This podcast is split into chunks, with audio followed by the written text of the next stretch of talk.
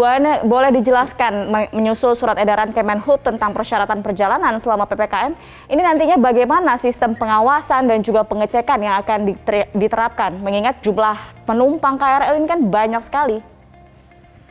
Ya, jadi sebenarnya satu minggu ppkm darurat ini sudah dilakukan ya, uh, tapi ini diketatkan lagi gitu.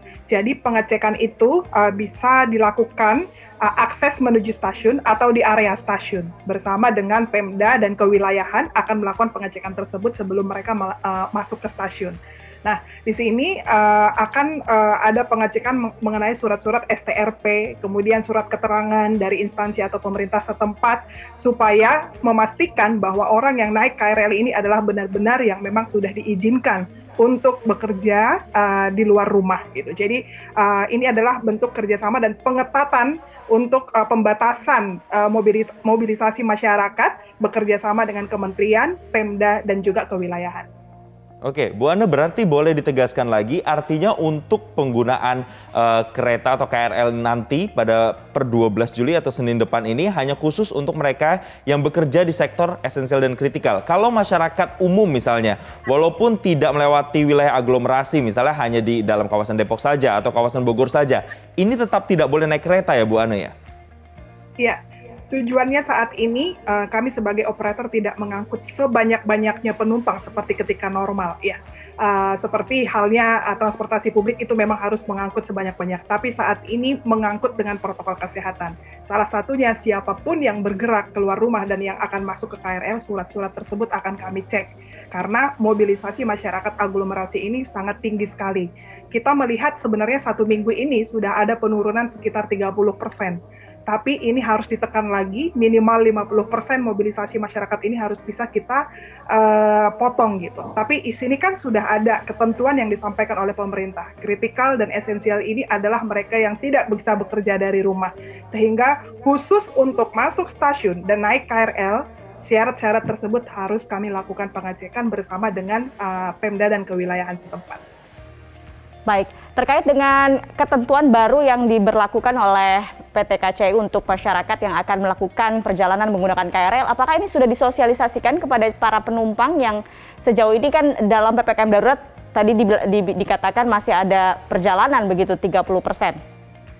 Ya, kampanye di rumah aja ini sudah uh, satu minggu ya. Kemudian kita kemarin ketika kementerian mengeluarkan pengetatan ini lagi, kami juga melakukan sosialisasi baik melalui media sosial, announcer di stasiun dan KRL, bahkan media konvensional seperti spanduk-spanduk. Hari ini akan kami buatkan di semua stasiun-stasiun supaya masyarakat umum bisa memahami bahwa yang boleh naik kereta saat ini adalah yang diizinkan sesuai dengan SE tersebut, yakni untuk usaha-usaha kritikal dan esensial. Oke, Bu Ana, uh, untuk teknisnya di setiap stasiun apakah akan diberlakukan pengecekan STRP dan surat-surat ini atau hanya di stasiun-stasiun yang menghubungkan wilayah aglomerasi seperti stasiun besar misalnya stasiun Manggarai atau stasiun Tanah Abang saja misalnya atau semuanya? Ya, jadi uh, fokus kita memang di stasiun-stasiun besar, apalagi stasiun padat ya uh, keberangkatan awal. Tetapi uh, kemarin kita juga berkoordinasi dengan kewilayahan ini akan bisa mencakup uh, area 80 stasiun di Jabodetabek supaya semua area ini juga bisa mematuhi aturan-aturan tersebut. Sebagai informasi, di stasiun-stasiun uh, padat pun saat ini dilakukan pengecekan random antigen secara acak di samping uh, filter dari uh, Pemda dan kewilayahan untuk surat ini di stasiun mereka juga kami acak kita uh, random check antigen yang reaktif tidak boleh juga naik ke atas KRL atau masuk stasiun. Jadi ini double pengecekan ya. Jadi kepada pengguna jasa komuter lain harus bersedia ketika dilakukan pengecekan surat-surat uh, tersebut dan harus mau ketika kami minta untuk dilakukan tes antigen. Baik, Bu Ana boleh uh, dijelaskan kembali kepada masyarakat yang mungkin masih belum paham ketentuan baru yang akan berlangsung pada 12 Juli atau hari Senin depan ini apa saja yang harus dibawa kemudian untuk melakukan perjalanan menggunakan KRL? Ya, kepada pengguna jasa komuter ayo kita dukung program pemerintah untuk kita bisa di rumah saja. Gunakan KRL ini untuk kebutuhan yang memang ini untuk mereka yang uh, masih harus bekerja, yang uh, di bidang esensial dan kritikal, Kemudian kami juga uh, menghimbau kepada mereka yang harus naik KRL dan masuk stasiun gunakan double masker, patuhi marka-marka yang ada di stasiun ataupun di atas KRL dan gunakan wastafel yang seluruh di stasiun untuk cuci tangan sesering mungkin agar kita bisa mendukung meminimalisir penyebaran virus ini. Jadi ayo kita di rumah saja dan gunakan transportasi KRL ini hanya untuk kebutuhan kritikal dan esensial. Baik, sekali lagi ditegaskan artinya hanya untuk mereka masyarakat yang bekerja di sektor kritikal dan esensial dan harus dilengkapi dengan surat STRP atau bahkan surat dari pemerintah daerah dan pemberi instansi kerja. Didampingi Kapolres Bogor AKBP Harun dan Dim 0621 Sukur Hermanto, Kepala Kajari Munaji dan Kepala Bakes Bangpol, Sekretaris Daerah Burhanuddin selaku Ketua Harian Satgas menyampaikan penindakan atas instruksi langsung dari Bupati Bogor. Sementara Kapolres Bogor AKBP Harun menyebutkan sidak kali ini dalam rangka mengecek kepatuhan PPKM darurat di sektor industri. Masih hadirnya 100% karyawan bekerja menunjukkan tidak ada pembatasan, pihaknya akan melakukan tindakan dengan menjatuhkan denda tindak pidana ringan berdasarkan Perda Provinsi Jawa Barat nomor 5 tahun 2021 dengan denda maksimal 50 juta rupiah. AKBP Harun mengingatkan kepada seluruh perusahaan yang ada di Kabupaten Bogor yang tidak mengikuti aturan PPKM darurat akan ditindak untuk mencegah terjadinya penularan akibat dari kerumunan karyawan pabrik. Perusahaan-perusahaan yang tidak mengikuti aturan atau patuh terkait dengan PPKM darurat ini akan kita tindak semuanya. Di setiap wilayah nanti akan kita lakukan, ini sebagai contoh saja di daerah Gunung Putri, nanti akan kita cek lagi di beberapa tempat yang lainnya semuanya akan kita tindak manakala tidak mendapat mematuhi uh, PPKM darurat ini. Menurut Menko Muhajir, PTM harus tetap menjadi opsi utama yang harus dipilih oleh pemerintah daerah dari pembelajaran daring dengan catatan daerah harus berada di dalam zona aman dengan pengawasan ketat dari pemerintah daerah khususnya Satgas COVID-19. Didampingi Bupati Lampung Tengah Musa Ahmad, hal ini disampaikan Muhajir pada saat meninjau pelaksanaan PTM di Pondok Pesantren Tribakti Al-Falah Yukum Jaya dan SMP Muhammadiyah Boarding School Poncowati, Kecamatan Terbanggi Besar, Kabupaten Lampung Tengah, Provinsi Lampung kemarin. Muhajir meminta kepada pemerintah daerah untuk dapat memperhatikan kondisi zona COVID-19 di wilayahnya. Bagaimanapun dengan kondisi yang ada sekarang ini, belajar tatap muka itu masih dibutuhkan, masih sangat penting. Karena itu, kalau memang tatap muka itu masih sangat dimungkinkan dan sangat aman, laksanakan itu. Jangan ikut-ikutan kemudian semuanya ikut daring-daring. Daring itu hanya yang karena terpaksa karena memang masih dalam suasana COVID yang sangat mengancam anak-anak yang sedang sekolah itu saja. Tapi kalau betul-betul dipastikan aman, eh, sebaiknya tetap tatap muka. Mulai Senin pekan depan, PT KAI Komuter akan memperketat syarat penumpang yang bisa menaiki kereta rel listrik atau KRL di masa PPKM darurat. Informasi selengkapnya akan disampaikan Muhammad Reisa dari Stasiun Juanda, Jakarta. Reisa, apa saja syarat yang akan diberlakukan bagi penumpang KRL? Eva, ada beberapa syarat yang diberlakukan atau harus dipenuhi oleh para penumpang yang nantinya akan mengakses utamanya pada tanggal 12 Juli atau Senin pekan depan. Hal ini berdasarkan tadi dari surat edaran Menteri Perhubungan nomor 50 tahun 2021 bahwa nantinya pihak KAI komuter ini hanya akan melayani penumpang yang bekerja di sektor esensial dan juga kritikal saja. Sementara penumpang yang tidak bekerja pada sektor tersebut tidak diperkenankan untuk menaiki atau menggunakan fasilitas layanan KRL kecuali perseorangan dalam kondisi mendesak. Dan selain itu juga dalam aturan tersebut dikatakan bahwa para penumpang wajib melampirkan surat tanda registrasi pekerja yang bisa didapatkan ataupun juga di-download melalui situs dari jakevo.jakarta.go.id. Dari Pemprov DKI Jakarta sendiri juga sudah mengeluarkan aturan terkait dengan bagaimana cara mendapatkan STRP ini.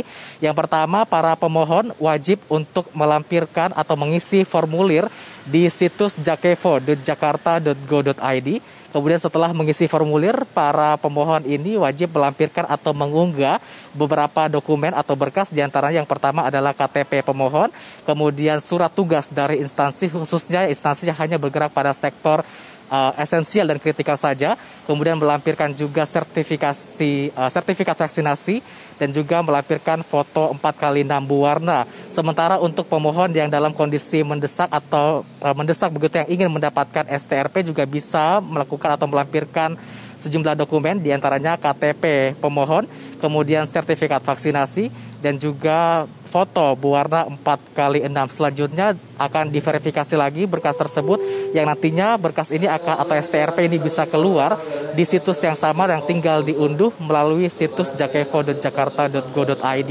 Selain STRP ini juga dari pihak KAI komuter ini juga bisa mensyaratkan selain surat tersebut bisa juga membawa surat dari uh, pemerintah daerah masing-masing ataupun juga surat dari instansi tempat bekerja khususnya yang bergerak pada sektor esensial dan kritikal saja. Eva. Ya, Resya, lalu bagaimana dengan teknis pengetatan aturan di stasiun KRL selama PPKM darurat? Eva, tadi kami konfirmasi kepada Vivi uh, Corporate Communication dari KAI Komuter uh, di Ana Purba mengatakan bahwa nantinya pemberlakuan dari uh, pemberian atau melampirkan bukti STRP ini akan diberlakukan di semua stasiun KRL sehingga nantinya akan ada pemeriksaan yang dilakukan oleh pemerintah wilayah setempat dan juga bersama dengan pihak KRL dan juga TNI Polri. Nantinya eh, para calon penumpang ini akan memperlihatkan STRP ini ketika akan masuk ke dalam stasiun. Tentunya ini juga dalam proses pemeriksaan akan mematuhi protokol kesehatan dengan menerapkan jaga jarak. Selain itu juga dari pihak KAI eh, Komuter juga mengatakan bahwa nantinya selama pemberlakuan dari PPKM darurat ini tetap akan membuka jam operasional dimulai pada pukul 4 dini hari hingga pukul 21 waktu Indonesia Barat.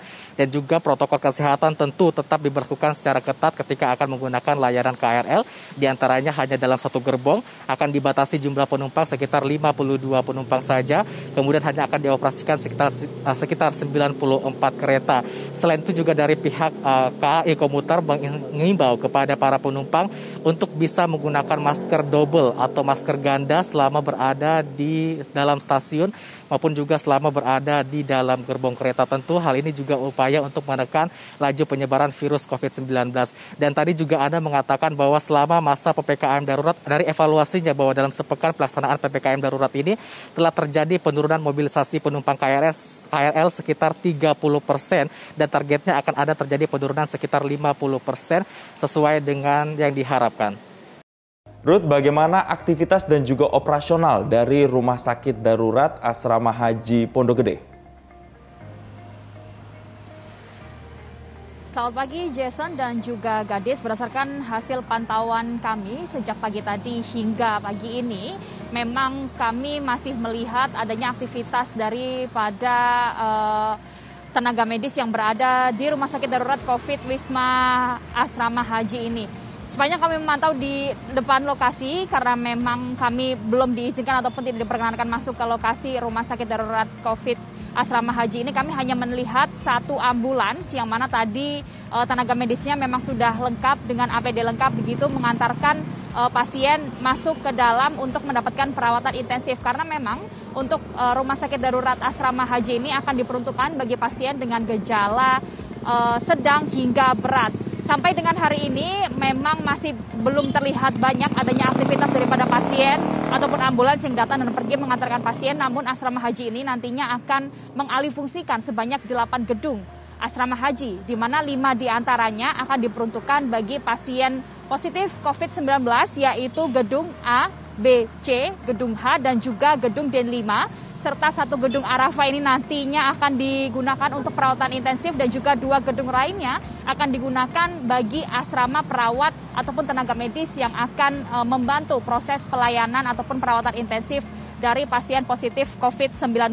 Selain itu, berdasarkan juga instruksi dari Menteri Agama nomor 3 tahun 2021 tentang pemanfaatan asrama haji sebagai lokasi isolasi mandiri dan juga keperluan darurat ini, memang asrama haji ini sudah dialihfungsikan dan selama lima hari alih fungsi ini ataupun e, peralihan daripada asrama haji menjadi rumah sakit darurat ini sudah berjalan tentunya dengan berbagai bantuan dan juga kerjasama dari Menteri Kesehatan, Menteri PUPR, dan juga Menteri Agama sehingga dalam kurun waktu kurang lebih lima hari rumah sakit darurat ini sudah selesai difungsikan bagi pasien-pasien di DKI Jakarta khususnya yang mendapatkan rujukan dari puskesmas ataupun rumah sakit untuk dapat dirawat di rumah sakit ini. Setidaknya juga ada beberapa tambahan-tambahan fasilitas pendukung untuk nantinya dapat uh, memantapkan kembali fasilitas daripada pasien. Uh, misalnya saja nantinya akan ditambahkan lift portable juga dan juga persiapan ini memang sudah berjalan sebanyak 99 persen. Untuk hari ini Menteri Agama